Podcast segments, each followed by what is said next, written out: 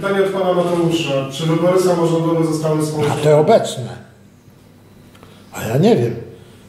Przecież ja nie mam dostępu do danych źródłowych, żeby móc takie rzeczy twierdzić. Natomiast czytałem bardzo ciekawy materiał w internecie, który na podstawie rozkładów statystycznych yy, no, zależności między procentem oddanych głosów na daną partię i liczbą y, komisji, w których te, te procenty padały, wykazywał możliwości analizy takich rozkładów i analizował takie rozkłady dla wyborów w Rosji. I co się okazało, jak twierdził ten autor tego materiału w internecie, że w Rosji tego rodzaju materiały są dostarczane i on zrobił takie wykresy, pokazywał i analizował. Niestety nasze komisje wyborcze tak dokładnych materiałów nie dostarczają, co utrudnia albo nawet uniemożliwia przeprowadzenie analizy statystycznej wykazującej czy uprawdopodobniającą ewentualne fałszerstwo. Jeśli się takie zdarzy, yy, no na przykład tam takie maksima były przy liczebnościach okrągłych, więc tam powiedzmy 20, 25, 30, 35 no jest bardzo mało prawdopodobne, żeby tak akurat wypadło w realu, bo raczej to są rozkłady gładkie, a nie takie yy, dyskretne, skokowo zmienne, więc yy, pokazano takie rozkłady dla poszczególnych partii i okazało się, że takich nieprawdopodobnych wyników było stosunkowo dużo u partii rządzącej, mniej, ale też się zdarzyły w partii komunistycznej w Rosji, a u nas mogę powiedzieć, że na autorzy tego artykułu twierdzili, że nasze komisje nie udostępniają tak szczegółowych danych, więc takiego wykresu nie można zrobić. To jest też ciekawe. Czyli z punktu widzenia transparentności wyników wyborczych, to jesteśmy grubo w tyle poza Rosją. Czy trzecia RP zmieni się w reżim, na czele którego stanie Komorowski? Tak. A skąd ja to mogę wiedzieć? Mogę, mogę tylko tyle powiedzieć, że w tej chwili w Polsce będą się pogłębiały trudności związane nie tylko z sytuacją międzynarodową, bo jesteśmy w takim punkcie polifurkacyjnym, gdzie cały układ międzynarodowy będzie się destabilizował. No, zresztą widzimy, już to zaczęło się na Ukrainie, ale to dalszy ciąg nastąpi. Ale druga sprawa to jest to, że do stosowania takich metod, jak to tam y, właśnie nasz pytający czy pytająca yy, mówi, to są warunki wtedy, jak jest duża podaż siły roboczej. A u nas będzie tsunami demograficzne. I w związku z tym stosowanie ostrych takich metod nie ma perspektyw. Znaczy ktoś sobie może próbować je stosować, ale się bardzo szybko wywróci. Dlatego, że y, z ludźmi można energicznie postępować, nie liczyć się wtedy, jak jest duża podaż siły roboczej. A w tej chwili ta podaż siły roboczej będzie malała, o czym na razie się przekonują niektórzy prywatni przedsiębiorcy. Y, No, państwowe posady jeszcze ciągle są atrakcyjne i tam nie mają kłopotów, ale jak będą szukali fachowców, a nie tylko byle kogo po znajomości czy po pokrewieństwie, to już zaczną również mieć poważne kłopoty. I co więcej, w tej chwili mamy epokę rewolucji informacyjnej. W epoce rewolucji informacyjnej trzeba się uczyć informacyjnych metod sterowania, a nie energetycznych. I to jest tyle.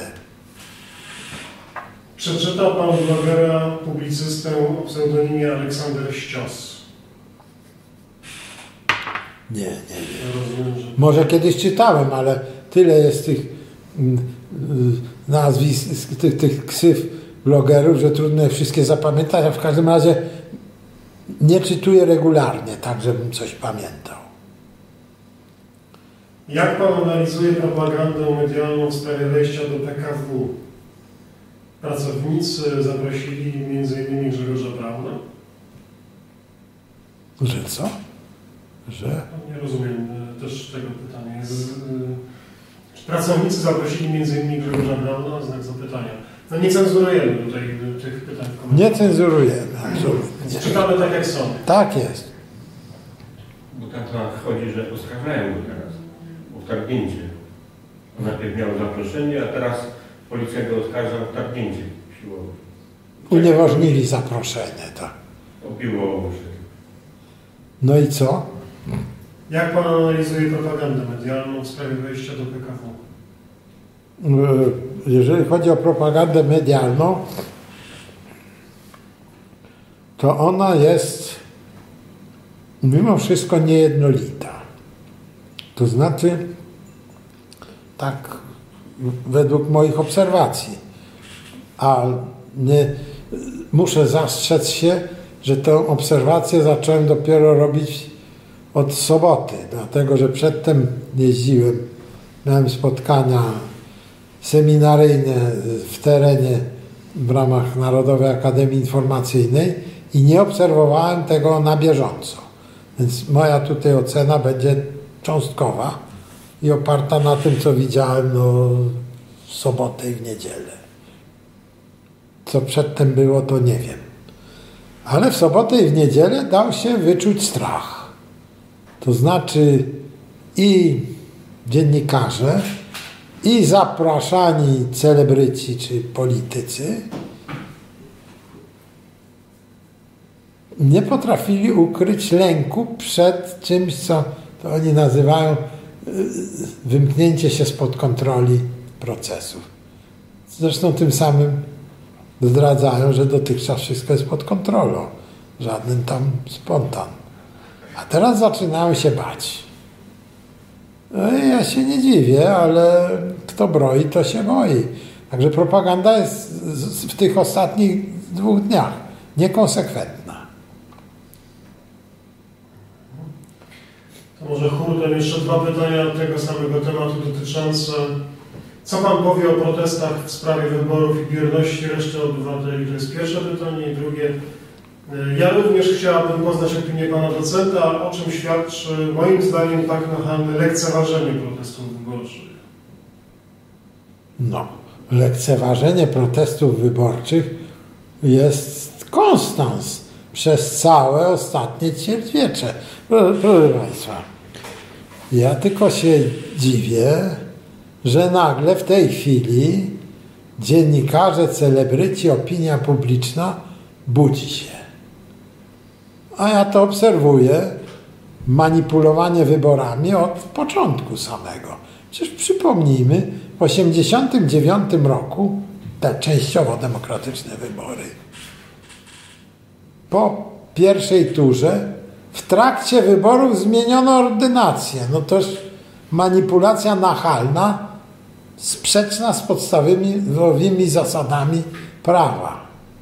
Ale to przełknięto, nikt nie protestował. Dalej mamy wybory prezydenckie. Nachalna propaganda przeciwko jednemu kandydatowi, Tymińskiemu. Wszyscy inni byli mniej lub więcej cacy. Tymiński B. Psy na nim wieszano. Oskarżano o najrozmaitsze rzeczy. On później wytoczył proces w 1994 roku telewizja go przepraszała, no ale to już było musztarda po obiedzie.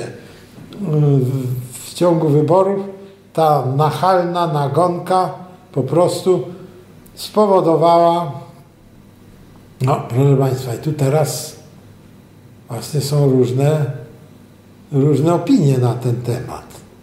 Jedna opinia, że spowodowała to, że ludzie ze strachu bali się po prostu, nie wierząc w tajność wyborów, bali się głosować powtórnie na Tymińskiego, żeby ich nie oskarżono nie wiadomo co. Druga wersja, że wybory sfałszowano po prostu. Że wygrał w rzeczywistości Tymiński i wybory zostały sfałszowane. Jedna z prominentnych osób parę lat temu coś takiego wręcz powiedziała. I to bynajmniej nie żaden zwolennik Tymińskiego. Jak było naprawdę, nie wiem, bo nie, nie mieliśmy dostępu do materiałów źródłowych. Dalej mamy wybory w 1991 roku. Partia X. Startowałem wtedy z list Partii X i co się wtedy dzieje? Notowania Partii X szły w górę jak torpeda. Już w maju, a było to tuż po ukonstytuowaniu się Partii X, bo ona powstała, no, grupa inicjatywa na właściwie w styczniu 91, a w maju był kongres, na którym już powołano władzę i tak dalej. No to proszę Państwa, już w maju po kongresie partia X była na trzecim miejscu w rankingu partii. No i co zrobiono?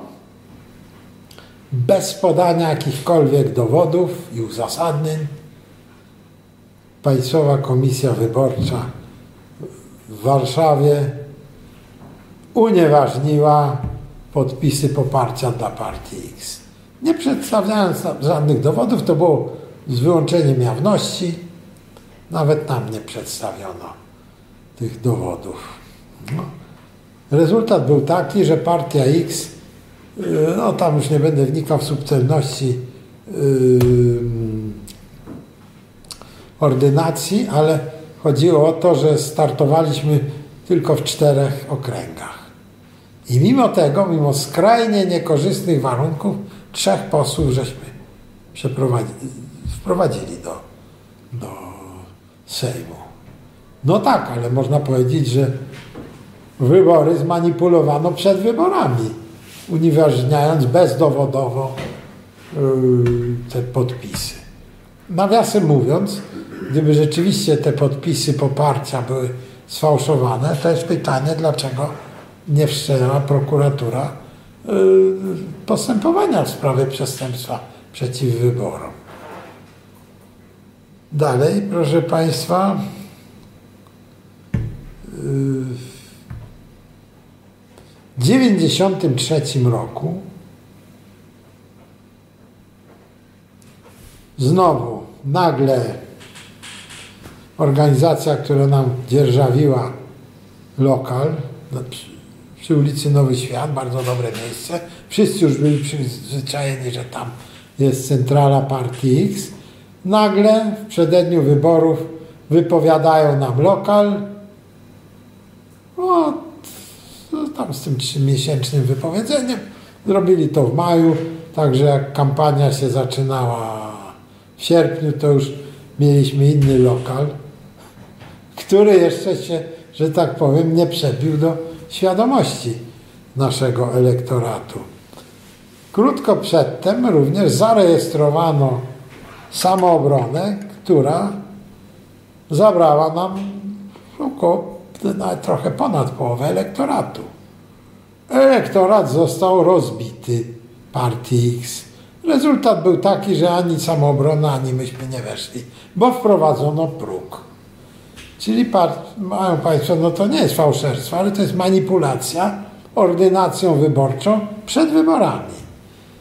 Później już powiem Państwu szczerze, uznałem, że nie ma co. Jeszcze próbowałem ciągnąć partię X, jeszcze miałem nadzieję, że no może coś się ugra. Partia X była zresztą partią, która działała wyłącznie w oparciu o własne składki i była solą wokół tych, którzy chcieli żyć z państwowych dotacji. Rezultat był taki, że w 1999 roku partia X została zdelegalizowana pod formalnymi pretekstami, że tam nie była dokładnie opisana ścieżka występowania z partii. Ja się śmiałem, że jakby była opisana, to by powiedzieli, że za mało dokładnie, bo to powinno być, że y, jak ktoś występuje, to powinien być we fraku i w cylindrze, a jak nie ma opisane w jakim stroju, to jest, to, to, to jest nieopisana ścieżka. No, zdelegalizowano odwołania wszystkie krajowe, a również do Strasburgaśmy się odwołali, nic nie dały. Powiedziałem krótko, w tych warunkach jest to gra z szulerami znaczonymi przez nich kartami i od tego momentu przestałem uczestniczyć w wyborach. Po prostu. Więc dla mnie to, to, to te wnioski, do których wielu ludzi dochodzi dzisiaj, to żadne rewelacje. Ja już do tych wniosków doszedłem 24 lata temu, ćwierć wieku temu. Nic nowego. Także w tej chwili już nawet się tak nie pasjonuję i tak nie, nie, nie obserwuję. Najlepszy dowód, że w szczycie kampanii wyborczej powyznaczałem spotkania seminaryjne, bo nie chciałem się temu wszystkiemu przyglądać. Proszę bardzo. Wracamy do epoki z tytułu dzisiejszego wywiadu. Przepraszam. Co było powodem tego, że Puławianie mieli takie duże wpływy wśród tak zwanych intelektualistów i w wolnej Europie? No, powody bardzo proste. Przecież podstawową, podstawowe korzenie tych wpływów to są, nazwijmy to, reformy towarzysza Jakuba Bermana. Przecież Bermanowi po Kongresie Zjednoczeniowym w 1948 roku podlegała cała kultura, nauka, propaganda i w związku z tym dokonano czystki. Ktoś, kto nie był spolegliwy, nazwijmy to, dla towarzysza Jakuba i jego czelatki, to po prostu był eliminowany. I zarówno na uczelniach, jak w kulturze, w dziennikarstwie, propaganda też przecież podlegała towarzyszowi Jakubowi, byli jego ludzie jeszcze. Przeciwnicy, Natolińczycy, no to można powiedzieć, że jedynym ich zapleczem intelektualnym było środowisko Paksu. Rzeczywiście. No ale Paks miał etykietę po 56 roku, bardzo negatywną etykietę, chociaż w 68 trzeba powiedzieć, że włączył się do akcji i pierwszy zasadniczy artykuł redaktora Gontarza na temat no właśnie na tematy sionistyczne, nazwijmy to ogólnie, to ukazał się w Słowie Powszechnym Piaseckiego. No ale to było niewielkie środowisko i, i nie, niewielki stosunkowo koncern w stosunku do tego, czym dysponowało państwo. Więc te kadry jeszcze z czasów stalinowskich były obsadzone i ówczesni publicyści nurtu tego antysjonistycznego przypominali stalinowską przeszłość.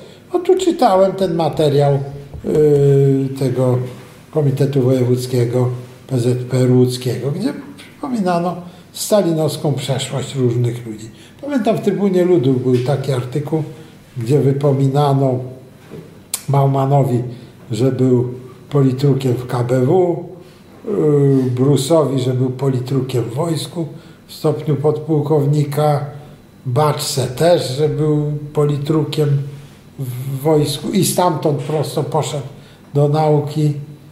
No ale powiedzmy sobie szczerze, to zaplecze w mediach, zaplecze antypłaskie, nazwijmy to, było niewielkie jeszcze wtedy. A w wolnej Europie to bardzo prosta sprawa. Po prostu Zachód był zainteresowany w popieraniu tej frakcji, która miała więcej kontaktów z Zachodem. Ponieważ w okresie stalinowskim na Zachód wyjeżdżać mogli ludzie, no, którym wydawano paszporty, a o wydawaniu paszportów decydował resort politycznie podlegający towarzyszowi Jakubowi, no to sobie wyobrażacie, że Puławianie i ich zaplecze intelektualne, nie mówiąc już o rodzinach i dzieciach, miało większe możliwości wyjeżdżania. No na przykład e, Adam Michnik jeszcze w pierwszej połowie lat 60. jeździł sobie na zachód. No, jak wspominałem, Karol Modzelewski jeździł na zachód. Więc siłą rzeczy oni mieli większe możliwości nawiązywania kontaktu z różnymi zachodnimi ośrodkami z wolną Europą łącznie. I jeszcze jedno pytanie od użytkowniczki o pseudonimie Saba. Jaka była przyczyna faktu, że ogromna większość osób, które odegrały kluczową rolę w tzw. transformacji okrągłostołowej, chodziła do liceum ogólnokształcącego imienia Gottwalda w Warszawie? A no właśnie, to jest sprawa taka, że do tego liceum chodziły dzieci dygnitarzy grupy pułaskiej. No nie tylko oczywiście, ale oni tam, oni tam chodzili. Tam zakładano chyba y, również te wzorcowo drużyny walterowskie, bo druh Jacek Kuroń przeprowadzał no, sowietyzację harcerstwa w okresie stalinowskim. No i te właśnie drużyny walterowskie, one się tak nazywały, tworzone przez y, druha Kuronia, właśnie tam miały swój matecznik w tym liceum.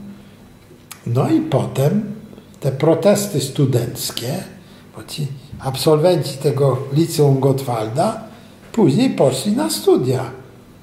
Przede wszystkim na Uniwersytecie Warszawskim, no bo jak mieszkali w Warszawie, tu zdawali maturę, to po co mieli gdzieś się indziej przenosić. I dlatego ich skupienie na Uniwersytecie Warszawskim było największe w Polsce. I to z tego powstała grupa, którą później nazywano komandosami marcowymi, a to byli ludzie, którzy bardzo umiejętnie potrafili, no jakby to powiedzieć, yy, sterować opinią publiczną i sterować, yy, powiedzmy, wiecami, manifestacjami yy, na terenie studenckim. Później jeździli w teren i tam w terenie również szkolili kadry czy organizowali, ale, ale w terenie to już się im wymknęło spod kontroli i nie można wysuwać tezy, że oni wszystkim w terenie sterowali. Aż tak sprawni to nie byli, bez przesady. Było niezadowolenie w środowiskach studenckich. Pytanie od naszego nowego seminarzysty. Trochę o tym było ostatnio, mam wrażenie, w e, sesji pytań i odpowiedzi po wykładzie. Pytanie do docenta. Jaki ustrój gospodarczy, jaki ustrój gospodarczy proponuje Pan, skoro wolny rynek na dłuższą metę nie funkcjonuje? Odsyłam do encyklik społecznych. Rerum Novarum Leona XIII, Quadragesimo Anno Piusa XI, Laborem Exercens świętego Jana Pawła II. Dalej, przechodząc już z kościelnych dokumentów do świeckich, program gospodarczy Ligi Narodowo-Demokratycznej, a jeszcze bliżej Plan X. To był program Partii X, opracowany części merytorycznej przeze mnie, w części politycznej przez Stanisława Tymińskiego, rozprowadzany przez nas w okresie kampanii wyborczej w 1993 roku i tam te sprawy są wyłożone. To nie jest tak, że jedno zaklęcie w rodzaju gospodarka rynkowa albo inne, gospodarka planowa. Nie ma jednego zaklęcia, które by tutaj załatwiało wszystko. No, w języku cybernetyki społecznej powiem, że do, podstawowe dwa rodzaje gospodarowania to nie jest wcale to, co w propagandzie się tam mówi, rynkowa i, i planowa. To są stereotypy propagandowe. Podstawowa sprawa to jest gospodarka ekstensywna i intensywna. Trochę zahaczyłem o to i pokazałem. Otóż metody ekstensywnej gospodarki lub intensywnej powinny być stosowane w proporcjach zależnych od podaży siły roboczej. O, tyle mogę powiedzieć. Czyli ja proponuję metodę rozwiązywania problemów, a nie cudowną receptę. Politycy, zauważcie, dają cudowne recepty, ale to są znachorzy, a nie fachowcy. No tak, ale oni tu i teraz, a po nich choćby po Oni chcą się tu i teraz dorobić, a nie potem. Czy uważa Pan, że dla Gomułki ojczyzną była Polska, a dla Kuronia nie? Czy dzisiaj nadal rządzą nami internacjonaliści? Y, proszę, no, to jest tak. Na pewno Gomułka Polskę traktował jako swoją ojczyznę. Kuroń, no to nie wiem, bo on się wypowiada jako internacjonalista wyraźny. Więc trudno mi powiedzieć. Trudno mi powiedzieć, czy Polskę traktował jako swoją ojczyznę, czy też jako swoją ojcowiznę. W polskim języku nie ma na to dobrego określenia, w niemieckim jest. Vaterland i Heimat. Więc na pewno Kuroń traktował Polskę jako swój Heimat, czyli no nazwijmy to, to nie jest dokładne tłumaczenie, ale nazwijmy to jako swoją ojcowiznę. Natomiast czy traktował Polskę jako Vaterland, czyli ojczyznę, to nie wiem. Tym niemniej u niego, yy, nawet jeżeli założymy, że traktował Polskę jako swoją ojczyznę, to u niego w skali wartości ponad ojczyzną stała ludzkość, dobro ludzkości. Dobro, no tutaj zauważcie, w tym liście otwartym do partii mówią o tym, że rewolucja antybiurokratyczna nie jest tylko sprawą polską. Trockiści walczyli o światową rewolucję, a nie tylko w jednym kraju. No właśnie, o, o to się rozeszli Trocki i Stalin.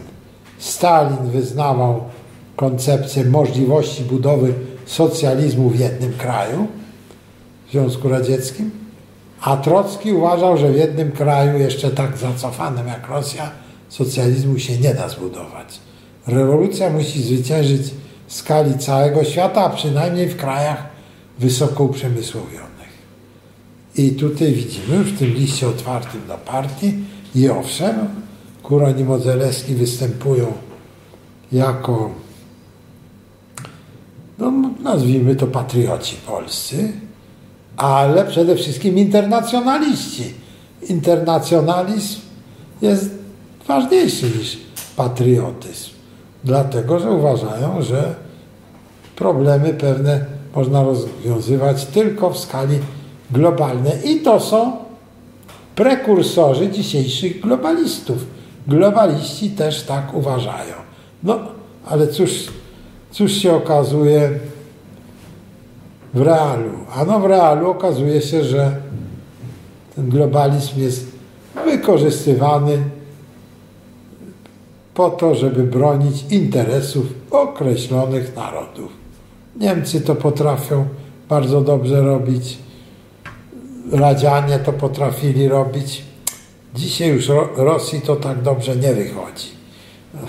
Bo Rosjanie obecni są patriotami czy narodowcami rosyjskimi, ale nie, nie globalistami.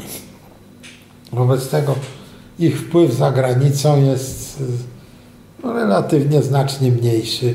Nie tylko dlatego, że potencjał mają mniejszy, ale również ze względu na to, że nie prowadzą takiej zagranicznej propagandy jakiegoś modelu ustrojowego. Tego Rosja teraz nie robi. Kolejne pytanie, znowu od Saby. Czy w cywilizacji łacińskiej jakiekolwiek związki zawodowe mające bronić praw pracowników z działaczami chronionymi przez państwo i tym podobne mogą mieć rację bytu? No, a więc tutaj zaraz, zaraz.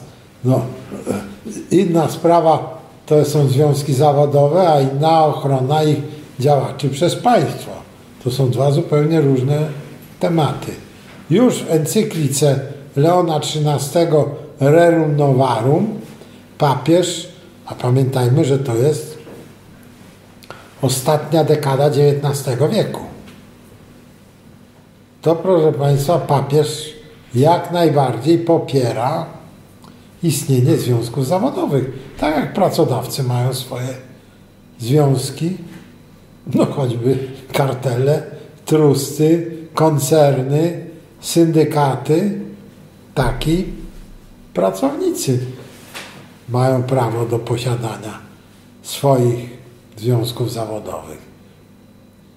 A druga sprawa to jest robienie z aparatczyków związkowych, świętych krów, chronionych przez państwo, przymusowo utrzymywanych no, przez pracodawców. To kochani, to jest, to jest pomieszanie z podplątaniem y, od strony już czysto etycznej. No, z jakiej racji pracodawca ma finansować stanowiska ludzi, którzy nie bronią jego interesów, a czasem działają wbrew jego interesów.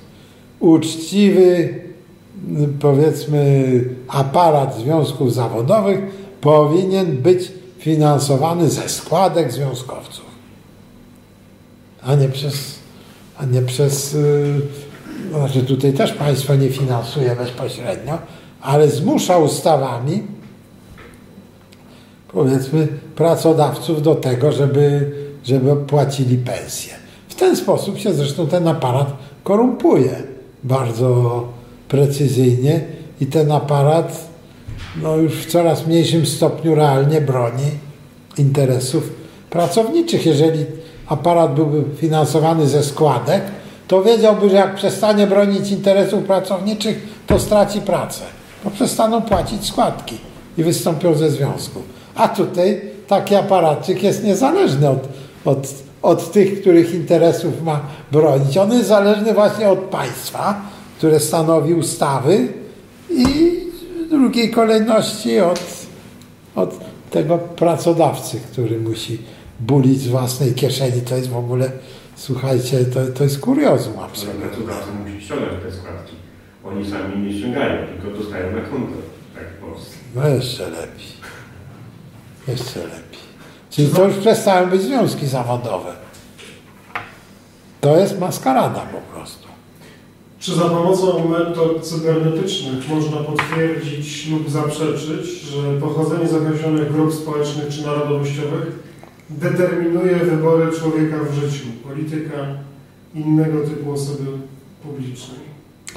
No więc tutaj można mówić oczywiście tylko o prawdopodobieństwie. Absolutnie w sprawach społecznych, nie tylko w tej konkretnej, ale również w innych sprawach społecznych nie ma determinacji ścisłej.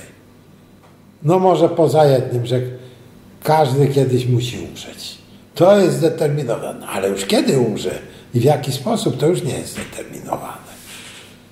A poza tym, że każdy kiedyś musi umrzeć, to zresztą wynika z drugiej zasady termodynamiki albo z cybernetycznego i zastosowania, to nazywam termodynamiką cybernetyczną, będziemy o tym mówić w ramach tych wykładów e, dotyczących Polskiej Szkoły Cybernetycznej, bo to jest oryginalne osiągnięcie polskiej szkoły, stworzenie tego, tej termodynamiki cybernetycznej. Więc proszę Państwa, nic, poza tym to tylko możemy mówić o większym lub mniejszym prawdopodobieństwie pewnych reaktywności. I tu musimy do psychocybernetyki Mazura przejść. Otóż każdy system autonomiczny ma określoną tolerancję i ma określoną podatność. W ramach tolerancji sam z siebie chętnie podejmuje działania w ramach podatności można te jego działania sterować, programować. Jak się przekroczy sumę tolerancji i podatności, następuje bunt. Władcy nie znają psychocybernetyki i dlatego z reguły są zaskakiwani buntem. Cybernetyk oczywiście z pewnym prawdopodobieństwem, nieraz dość dużym, określi, kiedy to nastąpi. No mnie wyszło z obliczeń na ten rok, że będzie taki punkt polifurkacyjny i to się sprawdza. W skali międzynarodowej się sprawdza na Ukrainie, a u nas się może w bardzo nieprzyjemnej dla władców formie sprawdzić w Polsce. Jest wysokie prawdopodobieństwo, a nie determinizm oczywiście. I analogicznie jeśli chodzi o pochodzenie. No człowiek ma pewne programowanie genetyczne, oczywiście, i to programowanie genetyczne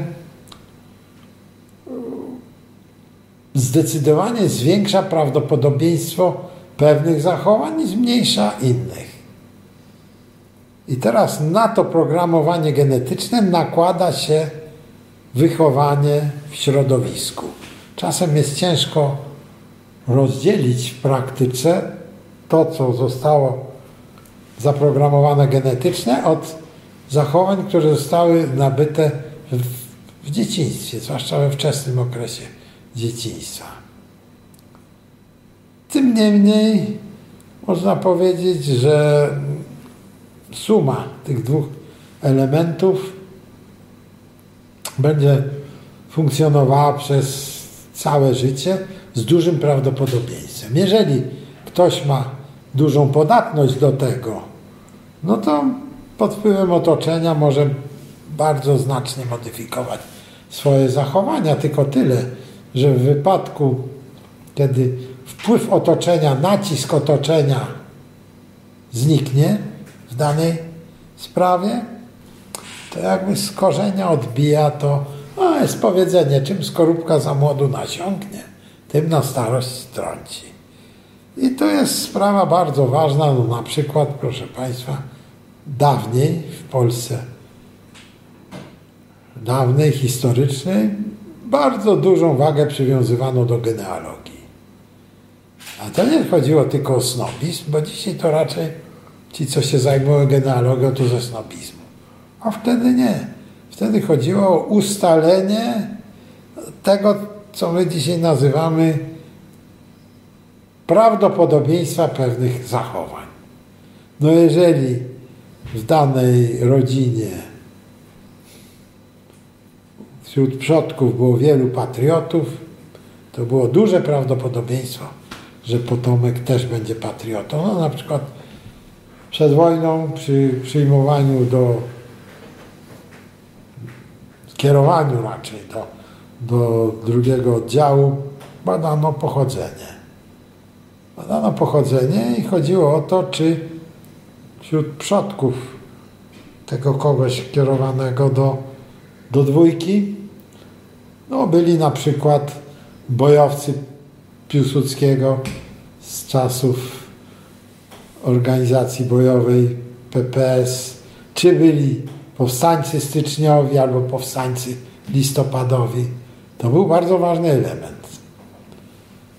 No, jeśli chodzi o Polskę Ludową, to też badano pochodzenie.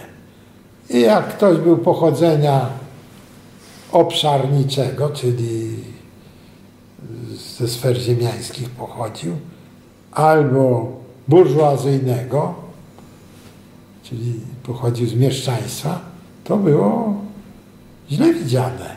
No przecież chyba do końca PRL-u były punkty za pochodzenie przy przyjmowaniu na wyższe studia.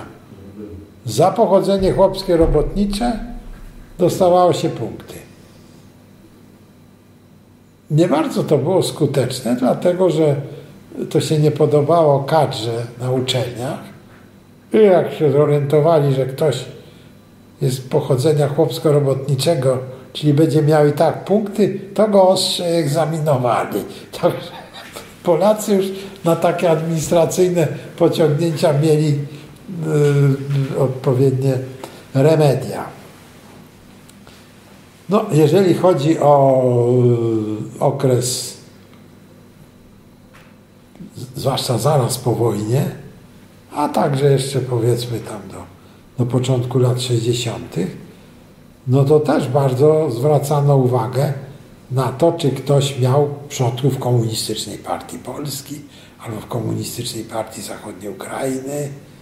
Yy, No, yy, a nie na przykład przodków burżuazyjnych, ale nie było to też tak w 100% przestrzegane, dlatego że nawet w tym materiale, który cytowałem tam dalej, jest opis tego, jak wiele osób o pochodzeniu burżuazyjnym, no takich jak Berman, Minc, to przecież nie byli potomkowie chłopów ani robotników, tylko mieli jak najbardziej burżuazyjne pochodzenie, no to oni dostawali się na najwyższe stanowiska. Także tutaj chociaż pochodzenie i wpływ wychowania badano, tym niemniej to nie pro, w stu procentach nie, nie determinowało powiedzmy polityki kadrowej. Czy czytał Pan książkę Lodowa ściana dotyczącą Piłsudskiego? Tak, tak. To jest bardzo ciekawa książka,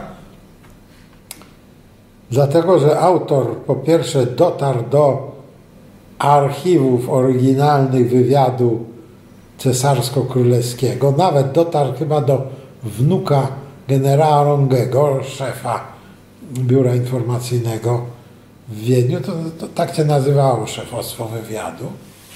Chociaż jak on tam pisze, o ile pamiętam, to ten wnuk jakiejś jednej teczki nie chciał mu pokazać. A to jest unikalna w ogóle książka. Dlaczego?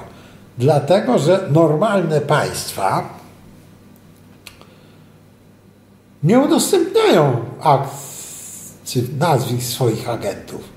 No proszę spróbować ustalić yy, nazwiska agentów Zjednoczonego Królestwa, Wielkiej Brytanii, etc. No Niemcy też yy, nie udostępniają. Ro Rosjanie też nie udostępniają. No nie mówiąc już o Francuzach. Natomiast CK Austria to takie państwo, którego tradycji państwowych nikt nie kontynuuje. Ono zostało obalone w drodze rewolucji, odcięło się od tradycji habsburskich do tego stopnia, że nawet zabroniono przebywania na terenie państwa austriackiego członkom rodziny Habsburgów. No był skandal, bo książę Habsburg, będący deputowanym do Europarlamentu, nie został wpuszczony na teren Austrii na podstawie konstytucji uchwalonej zaraz po, po rewolucji. To nie była bolszewicka rewolucja, ale taka, no można powiedzieć, skrajnie republikańska. No i proszę Państwa, wobec tego wywiad państwa austriackiego, tego, które powstało po obaleniu monarchii w 18 roku, nie traktuje agentury CK jako swojej. E, Nie nasz cyrk, nie nasze małpy. I udostępnili. No jest to unikalna historia.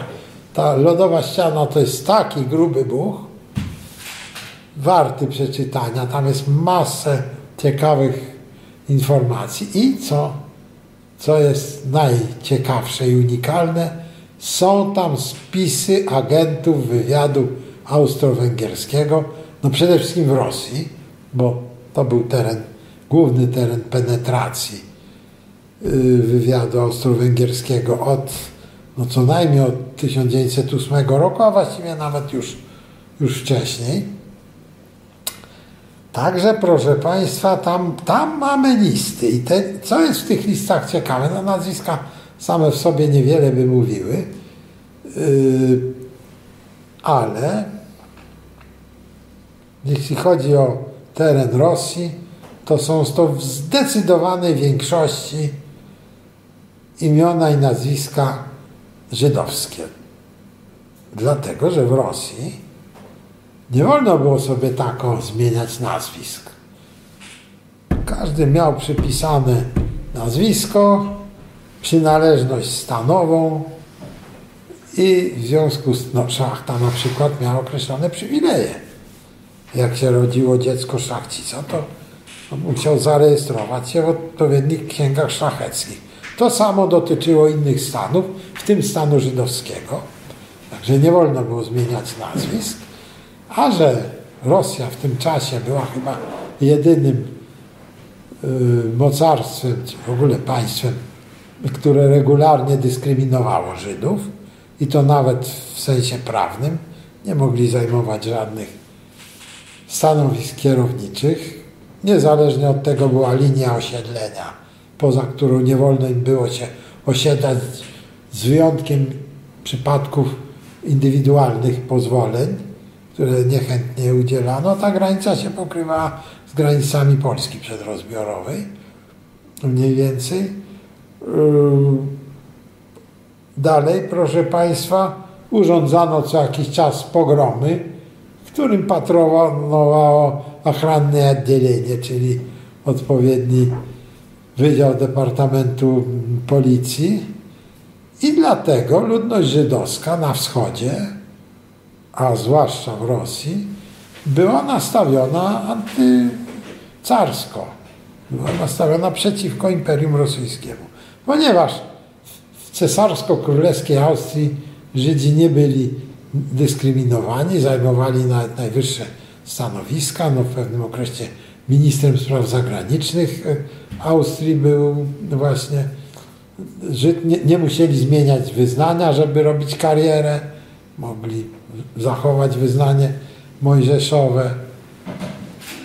I w związku z tym jest rzeczą oczywistą, rzecz naturalną, że Żydzi na wschodzie sympatyzowali, popierali wręcz cesarsko-królewską Austro-Węgry przeciwko Rosji. Również, również w Niemczech, chociaż w Niemczech nie mieli aż tak dobrze jak, jak na terenie Austro-Węgier, no, tym, tym niemniej mieli zdecydowanie lepiej niż w Rosji. Zresztą Żydzi niemieccy to byli z reguły patrioci niemieccy i z tej racji popierali państwo niemieckie. No, więc proszę Was, jak Państwo czytają w tej lodowej ścianie spisy agentów wywiadu austro-węgierskiego, to zdecydowana dominacja y, imion i nazwisk żydowskich. A w owym, w owym czasie pamiętajmy, że te nazwiska były nadawane przez administrację. Bo Żydzi w swojej cywilizacji nie mieli instytucji nazwisk.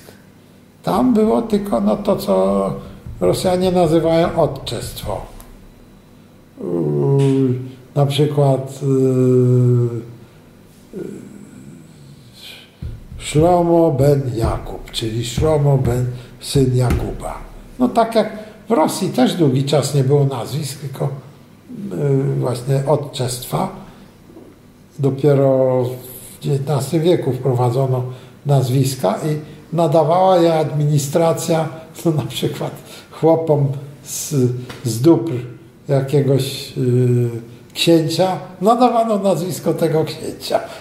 I te nazwiska w Rosji, no kiedyś jednego y, dziennikarza rosyjskiego, który miał nazwisko książęce, pytam się, czy on jest z tej książęcej rodziny. On mówi, nie, tylko po prostu przodkowie byli chłopami pańszczyźnianymi w dobrach tego y, księcia. Jak zniesiono pańszczyznę, to nadano wszystkim tym chłopom nazwisko księcia. Książę nie protestował.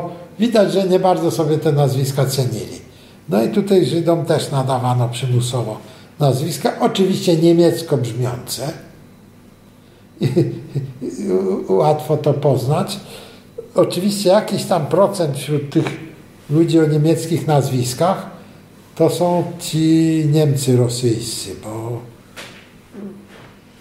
Niemcy, którzy byli poddanymi cara, też sympatyzowali ze swoją ojczyzną. To Dmowski opisywał, że u mm, Junkrów, y, Niemców na terenie y, dawnych Inflant, czyli tak zwanych Baltendeutsów, którzy robili kariery w aparacie rosyjskim, bo byli poddanymi cara, to wisiał portret cara, a pod tym portret y, Bismarcka i cesarza niemieckiego. No Była taka scena, jak w czasie wojny w klubie szlacheckim w Petersburgu, Dmowski opisuje w swojej książce Polityka Polska i odbudowanie państwa. Jeden z generałów świty cesarskiej staje i mówi nasi już zajęli Rygę. A to Rosjanie mówią, jak pan śmie, będąc rosyjskim wojskowym, wyrażać się w ten sposób. A generał mówi, moi panowie, jestem wiernym, uczciwym sługą najjaśniejszego pana Mikołaja II, ale pozwólcie mi być Niemcem. Otóż to było szanowane w stosunku do Niemców, tym niemniej pewien procent z nich y, oczywiście tam mógł, y, mógł jakoś popierać Niemcy. Y, no ale ci Baltendeutsche nie stanowili masy, bo to była tylko wierchuszka. A ludność żydowska na terenie Rosji to był cały rozkład normalny. Od biedoty zupełnej aż do wielkich bankierów, ale jeżeli nie zmienili wyznania, to kariera w aparacie państwowym rosyjskim była dla nich zamknięta, a jeszcze byli narażeni na różne nieprzyjemności, łącznie z pogromami. No więc jest oczywiste, że, że chętnie współpracowali z wywiadem austro-węgierskim. Nie mamy takich spisów agentów wywiadu yy, niemieckiego, no ale nie sądzę, żeby tam zasadniczo się to różniło. Skoro według Feliksa Konecznego dominację uzyskuje cywilizacja, która nakłada mniejsze obowiązki moralne, to czy demoralizacja społeczeństw Unii Europejskiej może być planowa w celu wyparcia cywilizacji łacińskiej? Oczywiście, że może być. Yy, Jak najbardziej. Zwłaszcza tutaj jest kwestia badania procesów. No, z jednej strony na zasad, jest taka zasada najmniejszego działania, wulgo lenistwo. Cywilizacja łacińska stawia pewne wysokie wymagania i wielu ludzi z lenistwa woli się cywilizacyjnie asymilować do innych cywilizacji. No, ale proszę Państwa, są też zwolennicy innych cywilizacji niż łacińska. I ci zwolennicy innych niż łacińska cywilizacji oczywiście będą w sposób naturalny dążyli do eliminacji tej cywilizacji łacińskiej. No tam na przykład zwolennicy cywilizacji bizantyjskiej, którzy się deklarują jako zwolennicy państwa prawa. No to jest hasło bizantyjskie, bo łacińskie to jest państwo etyki. Etyka jest ważniejsza niż prawo. No tak, ale etyka wymaga bardzo intensywnej pracy nad sobą, bo inaczej człowiek się degraduje moralnie. I już wtedy tylko się będzie trzymał na przymusie. Jak tam, gdzie nie sięga bat, gdzie nie sięga pałka policjanta, to już on hulaj dusza piekła nie ma. Dlatego y, w sytuacjach takich napięć rewolucyjnych różne elementy a społeczne też dochodzą do głosu.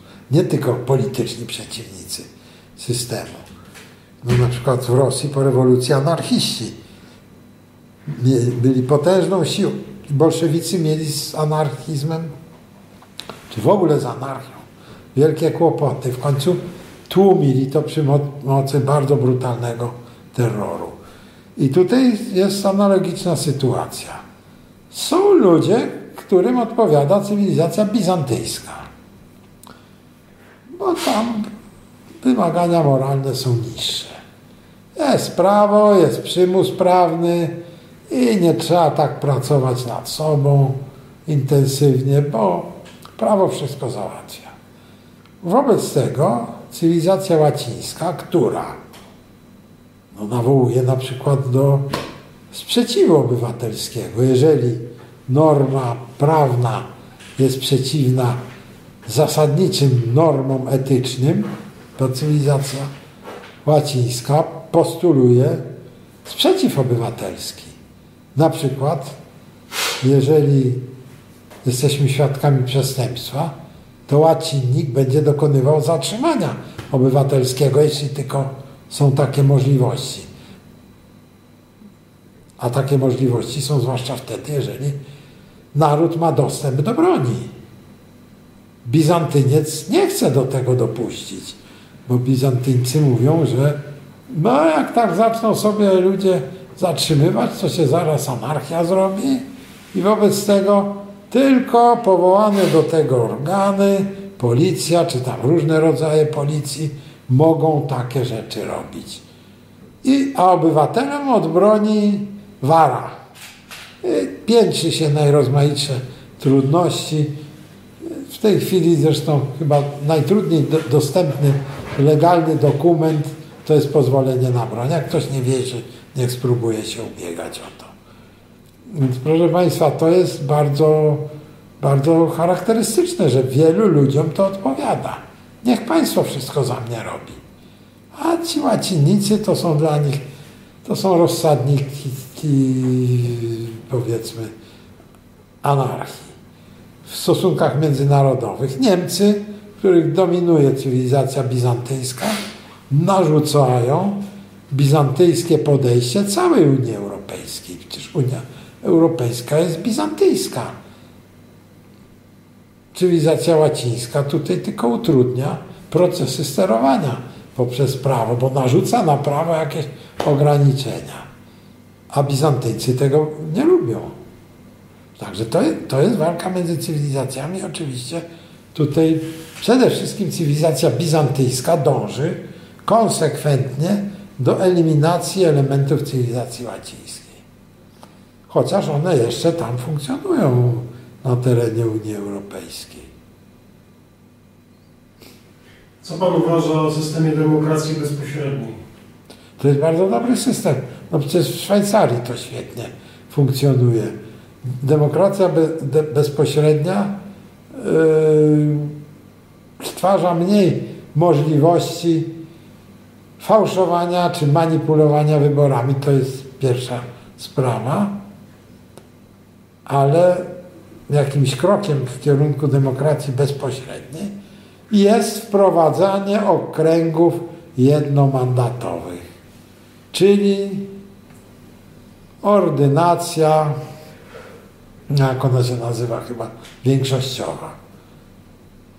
I wtedy dyktatura oligarchów partyjnych ma podcięte korzenie.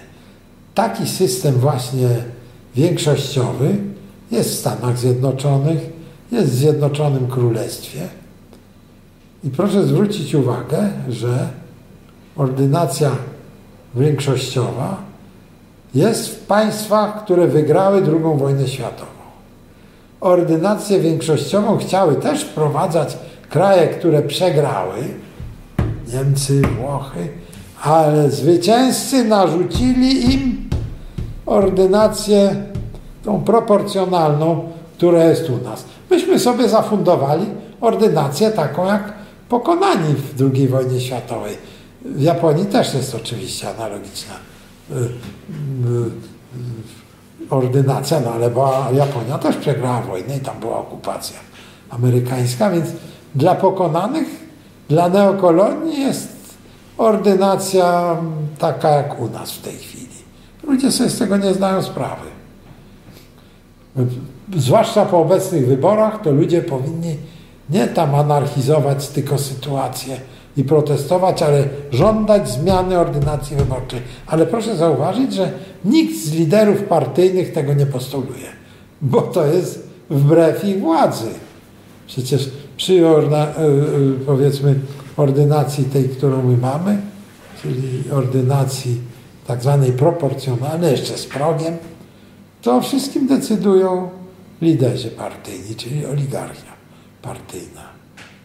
Przy okręgach jednomandatowych już takie możliwości są znacznie ograniczone. W Meksyku po przejęciu władzy przez rewolucjonistów masońskich praktycznie cały czas próbowano ograniczyć przyrost ludności. Dlaczego według docenta Kosowskiego nie powiodły się te próby przez dziesiątki lat? Ludność Meksyku 1930 rok 17 milionów, obecnie 117 milionów i miliony za granicą. Tak, więc tutaj e, straszenie groźbą przeludnienia w różnych formach. W tej chwili to, to, to straszenie się odbywa y, w formie zawoalowanej, jako straszenie groźbą ocieplenia. Da, dane naukowe, które by to potwierdzały, są wątpliwe, ale nawet gdyby tak było, no to przecież wiadomo, że klimat faluje i człowiek ma na to niewielki wpływ. Ale straszy się groźbą ocieplenia, właśnie wywołaną przez człowieka i wobec tego nawołuje do ograniczania przyrostu naturalnego. Te groźba przeludnienia i y, powiedzmy nawoływanie do ograniczania przyrostu to jest wręcz masońska obsesja. Oni mają na tym punkcie zupełnie fioła, za przeproszeniem. No, już twierdzili, że już, już, już ma być przeludnienie na początku XIX wieku i ca, stale to mówią, no podobnie jak na przykład Świadkowie Jehowy ciągle zapowiadają koniec świata. Natomiast, natomiast jeśli chodzi o Meksyk, to przecież tam oczywiście to się zgadza, ten, ten, ten rząd masoński, bynajmniej, bynajmniej nie komunistyczny, tylko to takie lewe skrzydło masonerii tam rządziło, stara się, starał i stara się ograniczyć przyrost, no ale pamiętajmy, że tak, po pierwsze ludność się buntuje nieraz przeciwko temu rządowi, ale najważniejszym buntem nie, nie są te krwawe tam walki, ale przede wszystkim rodzenie dzieci. A dlaczego tak jest w Hiszpanii, że właśnie ludność przepraszam, w Meksyku, ludność Meksyku stawia opór rządowi, rodząc dużo dzieci. I to jest najskuteczniejsza metoda. Proszę Państwa, po pierwsze dlatego, że Kościół i wiara katolicka jest tam bardzo silna, a Kościół, jak wiadomo, tej psychozie antynatalistycznej się nie poddaje, nie poddawał i nie poddaje, właśnie raczej postuluje rodzenie dzieci, a w każdym razie zdecydowanie potępia sztuczne środki ograniczania, co najwyżej naturalne. No ale druga sprawa to są tradycje miejscowej ludności. Miejscowa ludność miała tradycje bardzo zgodne z tym, co postuluje Kościół katolicki. Dlatego on tam się tak mocno trzyma, bo ma korzenie w tych jeszcze przed, przedkatolickich, przedchrześcijańskich kulturach miejscowych. No i Meksyk się trzyma jak najbardziej. Natomiast boją się tego panicznie Jankesi. Dlatego, że już w tej chwili czytałem w tym roku artykuł, z którego wynika, że po raz pierwszy ci nie rdzenni Amerykanie, czyli ci, no, nazwijmy to, oni to wręcz mówią biali, przestali być większością. Już większością są czarni, no nazwijmy to beżowi. Nie, no latynosi w ogóle. Latynosi. I, I najszybciej się rozwija ludność latynoska. Nie, nie afroamerykańska, jak to się mówi, tylko właśnie latynoska. I tam przez tą granicę strzeżoną strasznie coraz więcej ludzi przenika, no ale sytuacje jak kłospy, czyli ci, ci biali Amerykanie nie chcą mieć dzieci, to jest nieuchronna dominacja przez, no, przez inne cywilizacje. Przy czym w Meksyku jest bardzo ciekawa kultura, która jest pewną mieszanką miejscowej, post y, jeszcze indyjskiej cywilizacji y, i religii rzymskokatolickiej. To jest rzecz bardzo ciekawa i, i warta badania. Kiedy nastąpi ostateczne potknięcie się trzeciej RP, zdaniem pana docenta? No może w przyszłym roku nawet nastąpić. To oczywiście mówimy tylko o pewnym prawdopodobieństwie. Sytuacja międzynarodowa, po pierwsze, a po drugie sytuacja miejscowa związana z wchodzeniem na rynek pracy niżu demograficznego, a dodatkowo jeszcze emigracją zagraniczną, powoduje, że dotychczasowe metody sterowania po prostu nie zdadzą egzaminu. A władcy, którzy no, przez ćwierć wieku odnosili sukcesy dzięki tym metodom sterowania, nie chcą ich zmienić. Co to będzie nas jakiś naukowiec pouczał? To my mamy władzę, a nie on. Prawda? E? I mogą się zbudzić z ręką w nocniku przysłowiowym. Już w przyszłym roku, zresztą, czy ja wiem, co się stanie po 13 grudnia, przecież proszę Państwa, to, to jest bardzo ciekawa sprawa. Pan Jarosław y, Kaczyński zapowiedział olbrzymie protesty, ale nie już rocznicowe, tylko związane z wyborami. Stawia zarzut sfałszowania wyborów, czyli samo jądro demokracji. Prawda? Pan Kaczyński sam rewolucji nie zrobi, bo on też wyrasta z tego establishmentu. Powiedzmy sobie szczerze. No, ale mogą się objawić inne siły. Młodzież przede wszystkim. A młodzieży obecny reżim nie ma nic do zaoferowania. No chyba, że jest to młodzież z, z rodzin, z establishmentu, prawda? Że tak powiem, dobrze urodzeni. Ale masą młodzieży obecny reżim nic nie obiecuje. Nic nie ma w ogóle do zaoferowania. Studia, po których bardzo duże prawdopodobieństwo albo bezrobocia, albo emigracji za granicę, albo pracy takiej byle jakiej na umowach tak zwanych śmie śmieciowych. Teraz będą jeszcze pozusowane. No nie wiem, czy to jest dobrodziejstwo, czy przekleństwo, nie chcę, nie chcę oceniać. Yy, więc młodzieży ten, ten system nie ma nic do zaoferowania. Młodzież w pewnym momencie może nie wytrzymać. A pan Jarosław Kaczyński bawi się zapałkami w stodole. Nazwijmy to tak. Jeśli przyjąć, że... To znaczy ja go za to nie krytykuję, niech się bawi. Jeśli przyjąć, że demokracja rośnie od dołu w górę, czyli od małej samorządności do sejmikowania, to czy w obecnej Polsce widzi Pan możliwość odbudowy demokracji bez fazy rządów autorytarnych?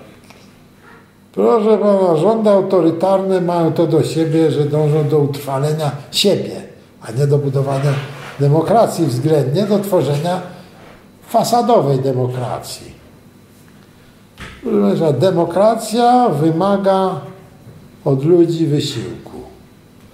Jeżeli ludzie nie chcą się wysilać, nie chcą się uczyć, ale uczyć wiedzy użytecznej w procesach sterowania społecznego, a nie byle jakie, takie jak oferują obecne uczelnie, poza tam technicznymi studiami i medycznymi, chociaż coraz więcej mam sygnałów, że i te rodzaje studiów tracą na wartości, ale już nie chcę, nie chcę w to wnikać.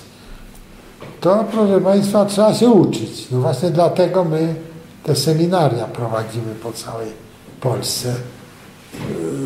No już w tej chwili nie tylko ja, na szczęście już, już są takie grupy, które prowadzą nasi wychowankowie, moi wychowankowie. Bez mojego udziału to mnie najbardziej cieszy. Yy, I, i proszę Państwa, trzeba się uczyć, to jest pierwsza sprawa. Ja nie wiem, czy nie będziemy musieli uruchomić takich skróconych kursów cybernetyki społecznej dla ludzi interesujących się polityką, bo tutaj staramy się to prowadzić na jakimś poziomie odpowiednim, naukowym, szczegółowo, ale może trzeba będzie takie skróty robić. No takie jak na przykład moja książka Tajemnice mafii politycznych. No i proszę Państwa, mm, druga sprawa, no trzeba stale obserwować władzę i patrzeć jej na ręce. Trzeba mieć swoje koncepcje, no na przykład, proszę Państwa, my mamy no, naukowcy, którzy pracowali yy, przez wiele lat, mają koncepcję, na przykład wymiar sprawiedliwości. No ludzie w tej chwili śmieją się z Państwowej Komisji Wyborczej, nazwali tych ludzi leśnymi dziadkami. I to nie jest komplement, jak rozumiem. To proszę Państwa, no przecież to są członkowie korporacji sędziowskiej, wychowani, wykształceni, tak samo jak inni prawnicy, na tych samych uczelniach. Programu tych studiów nie zmieniono. Niech się, powiem, młodzieniaszkowie nie śmieją z leśnych dziadków, bo są w sensie za, wykształcenia równie zacofani jak te leśne dziadki. Także miarkujcie się. Natomiast co trzeba zmienić w programie studiów? Pierwsza sprawa teoria dowodów sądowych. Nie ma takiego przedmiotu w ogóle. Dowodem jest to, co Maćkowe oko pana sędziego za dowód uzna.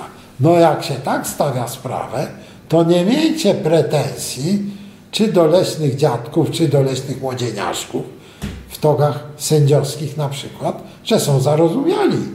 No bo jakich Maćkowe oko pod hasłem niezależności sędziów. Przecież niezależność sędziów powinna być od nacisków politycznych, a nie od nauki, nie od naukowej teorii dowodów, kochani. To są dwie zupełnie różne sprawy. No ale oni się czują tak niezależni, że nawet od matematyki, od arytmetyki mogą być niezależni. Teraz się awanturują ludzie, że nie potrafią liczyć. No dobrze, ale przepraszam, nie ma przedmiotu matematyka na studiach prawniczych. Nie? No to o co pretensje? Teorii dowodów nie ma. Mówi się o dowodach, ale dowód po uważaniu sędziego. To, to, ten sam zestaw przez, jeden, przez jednych sędziów jest uznawany za dowód, przez innych nieuznawany. Reguł tutaj nie ma. Więc to jest pierwszy przedmiot podstawowy. Drugi przedmiot socjologia i psychologia prawa, żeby prawnik umiał sobie wyobrazić, jak norma prawna oddziałuje na psychikę społeczną. Tego nikt nie uczy. I nie miejcie pretensji do tak zwanych leśnych dziadków. Bo wy sami tak, tacy sami jesteście. Ja tu nie jestem po to, żeby się komukolwiek podlizywać. Nie, nie kandyduję nigdzie, więc nie muszę się podlizywać, nawet opinii publicznej. Tylko jestem od tego, żeby mówić prawdę. I dalej, proszę Państwa, przywrócenie instytucji sędziego śledczego.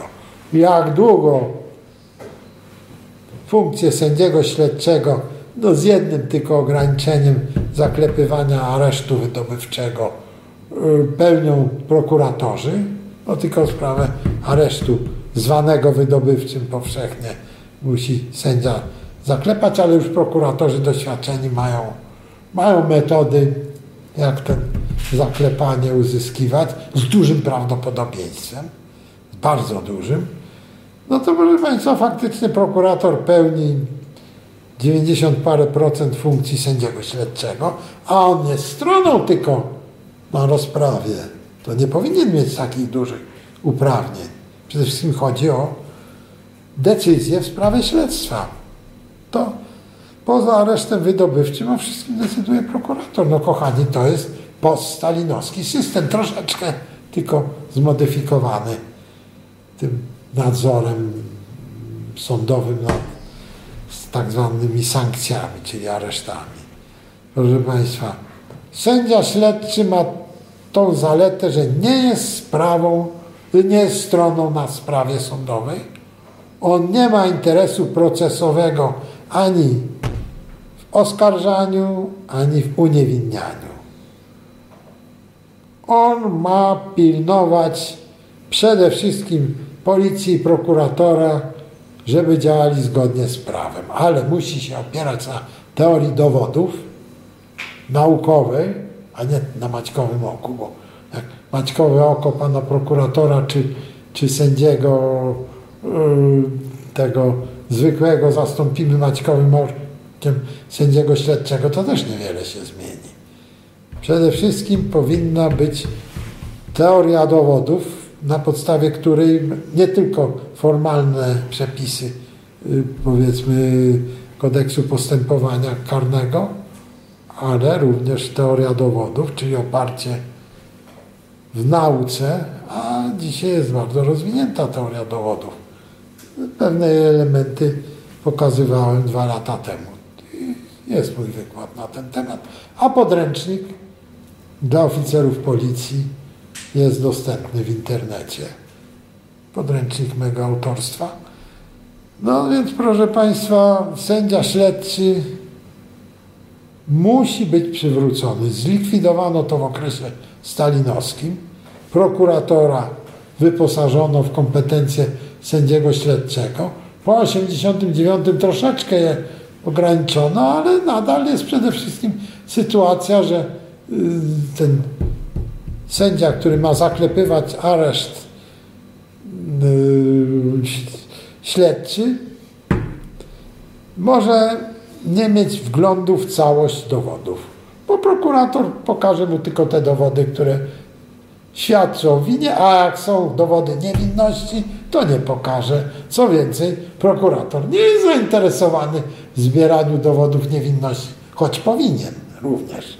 No ale to nie jest jego interes procesowy. Więc widzą Państwo, że to są zasadnicze sprawy, a pokażcie mi choć jednego polityka, który coś takiego postuluje. Ja nie widziałem. Partia X to postulowała. Partia X Stanisława Tymińskiego, później ja nią kierowałem i to było w naszym programie.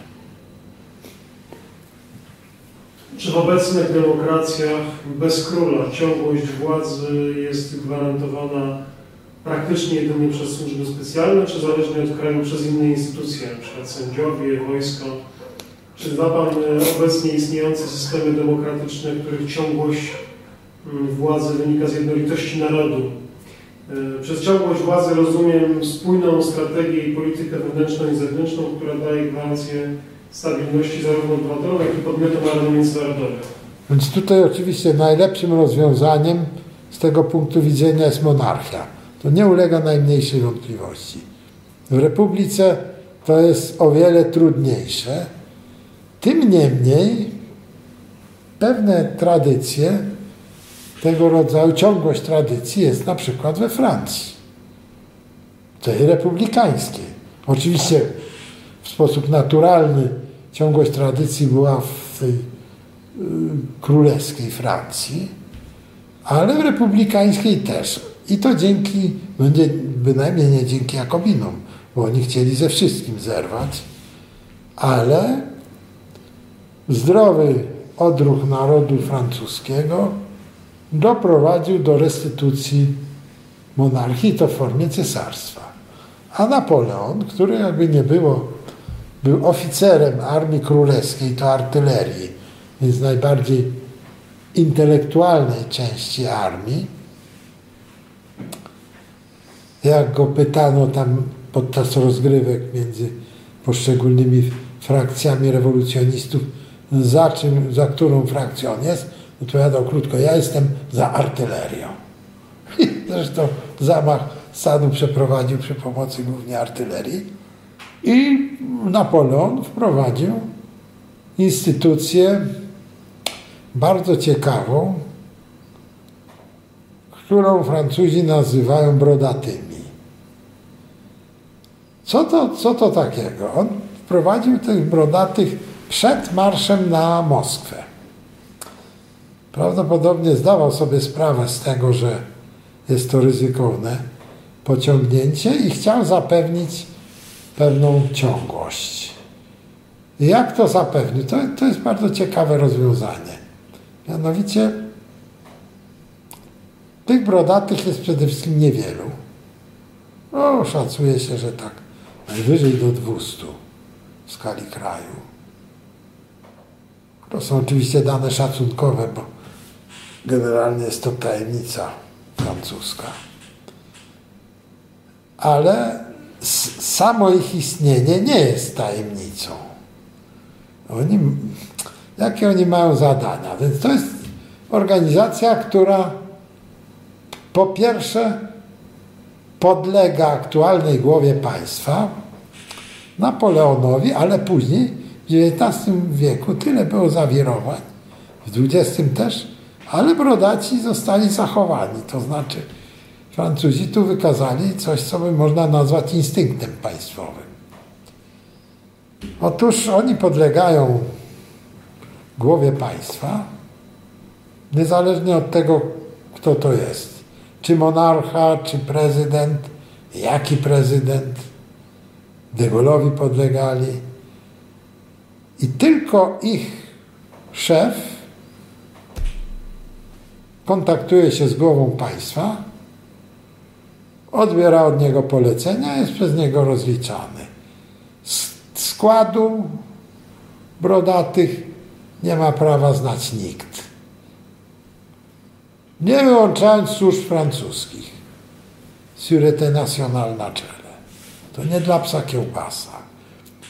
Kto tam jest wśród tych brodatych? No, mówi się, że sama elita. Że prawdopodobnie prefekt policji paryskiej, który nadzoruje część służb specjalnych francuskich i różni, różni inni wysocy dygnitarze, ale personalnie nie wiadomo kto. Dany, dany dygnitarz może być brodatym, a może nie być brodatym. Znaczy brud nie muszą nosić. Oczywiście. Tylko tak, takich nazwano. I jakie jest ich zadanie? Ich zadaniem jest pilnowanie dygnitarzy państwowych z najwyższej półki. Oni się nie zajmują byle czym. Nie rozdrabniają się na pierdoły za przeproszeniem. I też nie zajmują się pospolitymi przestępstwami tych ludzi z najwyższej półki. Oni pilnują, żeby politycy z najwyższej półki działali zgodnie z interesem Francji. To jest główne ich zadanie.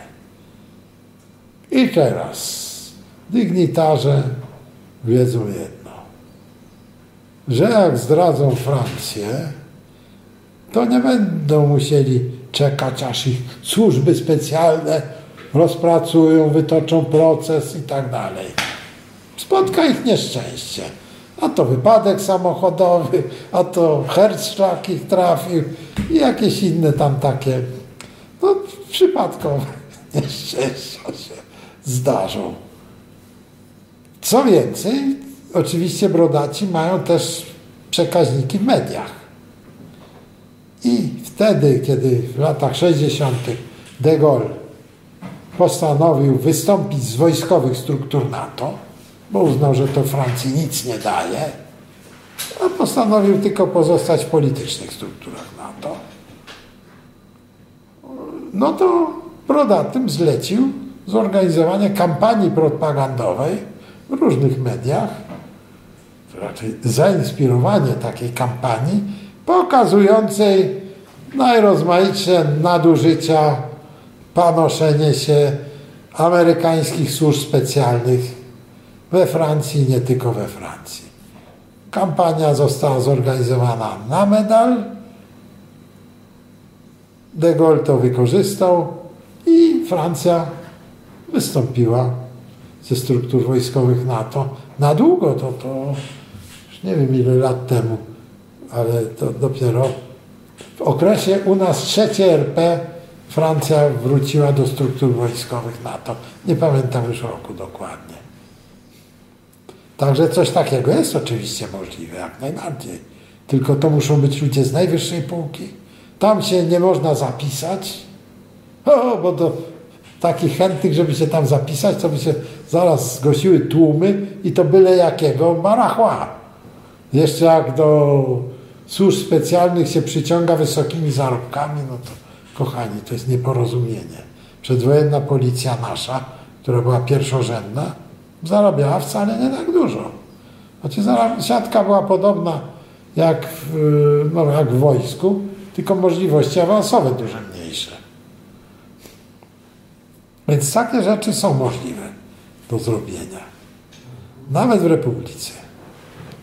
Chociaż geneza jest w monarchii, w cesarstwie francuskim. W których dziedzinach nauki jest największa cenzura? No w humanistycznych oczywiście. Z tym, że w, w, w każdej dziedzinie nauki jest cenzura, o, używając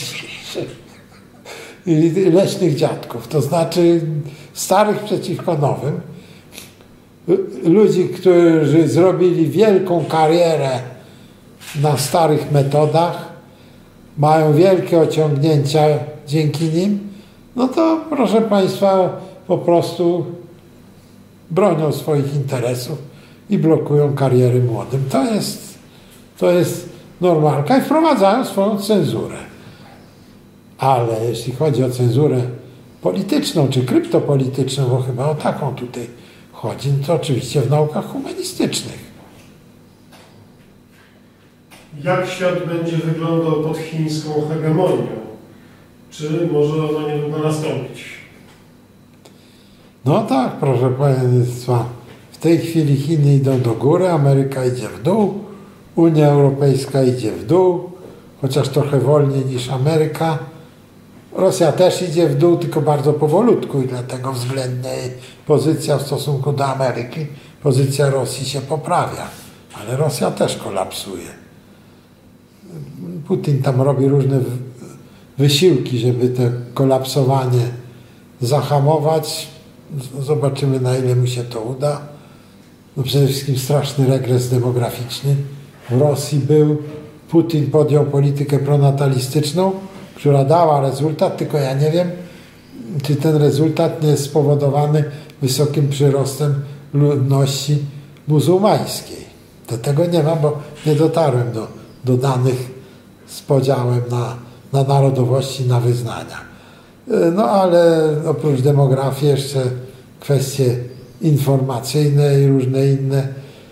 Tak czy owak, no już potencjał dzisiejszej Rosji nie jest taki wielki jak był Związku Radzieckiego. To jest raptem 140 kilka milionów ludności. Chiny idą oczywiście w górę. Z tym, że z, z chińską hegemonią to nie jest takie proste, dlatego że przede wszystkim Chiny nie narzucają żadnego ustroju. Tam, gdzie wchodzą gospodarczo, a przede wszystkim wchodzą gospodarczo, nie narzucają, nawet nie preferują żadnego ustroju. A róbcie sobie ustrój, jaki chcecie. To jest coś zupełnie innego niż dawny Związek Radziecki, niż dzisiejsze Stany Zjednoczone, które wszędzie starały się propagować, jak trzeba to i narzucać, tak zwane demokratyczne standardy, prawda, w rozumieniu amerykańskim. Co będzie z Chinami? No nie wiem, zobaczymy, zobaczymy. To jest trudno, trudno przewidzieć, ale ja przede wszystkim do młodych ludzi zwracam się, żeby zastanowili się poważnie, żeby zostawili wszystkie emocje na boku i zastanowili się, czy za kilkanaście czy dwadzieścia kilka lat dla Polski, tej przyszłej, której wyście powinni dożyć, korzystniej będzie mieć na Uralu wspólną granicę z Chinami, czy gdzieś tam indziej, czy też korzystniej będzie, żeby między Chinami a nami było państwo buforowe. Mam na myśli Rosja. No, więcej państw buforowych. Rosja i Ukraina. To wy się nad tym zastanówcie, bez emocji.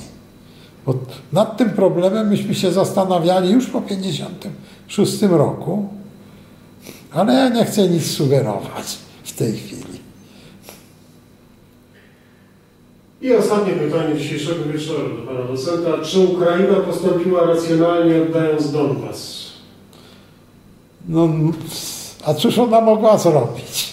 To oczywiście, że z punktu widzenia interesów państwa ukraińskiego byłoby lepiej, jakby nie oddała, ale a co ona miała robić? No walczy o ten Donbas, ale w epoce rewolucji informacyjnej, w sytuacji, kiedy przegrała wojnę informacyjną Donbas, no to rozwiązania militarne przede wszystkim prowadzą do impasu, a nawet gdyby się w skali taktycznej udało wygrać, to na dłuższą metę musi się przegrać. Widzę lekcja, którą dostali Amerykanie w Wietnamie, Związek Radziecki w Afganistanie, potem Amerykanie y, w Iraku, teraz Amerykanie wraz z nami w Afganistanie. A jeszcze do tego Rosja przegrała pierwszą wojnę z Czeczenią, taką malutką Czeczenią. Już wojsko rosyjskie się rozsypywało, tylko generał Lebiedź ostatniej chwili poleciał i zawarł zawieszenie broni, bo już by tam się rozsypała cała struktura armii rosyjskiej.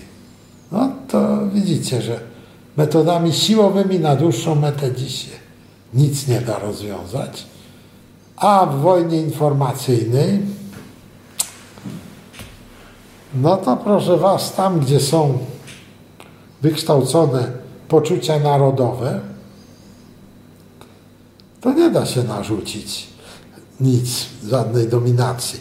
A tutaj się ściera na granicach Donbasu ściera się poczucie narodowe rosyjskie z poczuciem narodowym ukraińskim.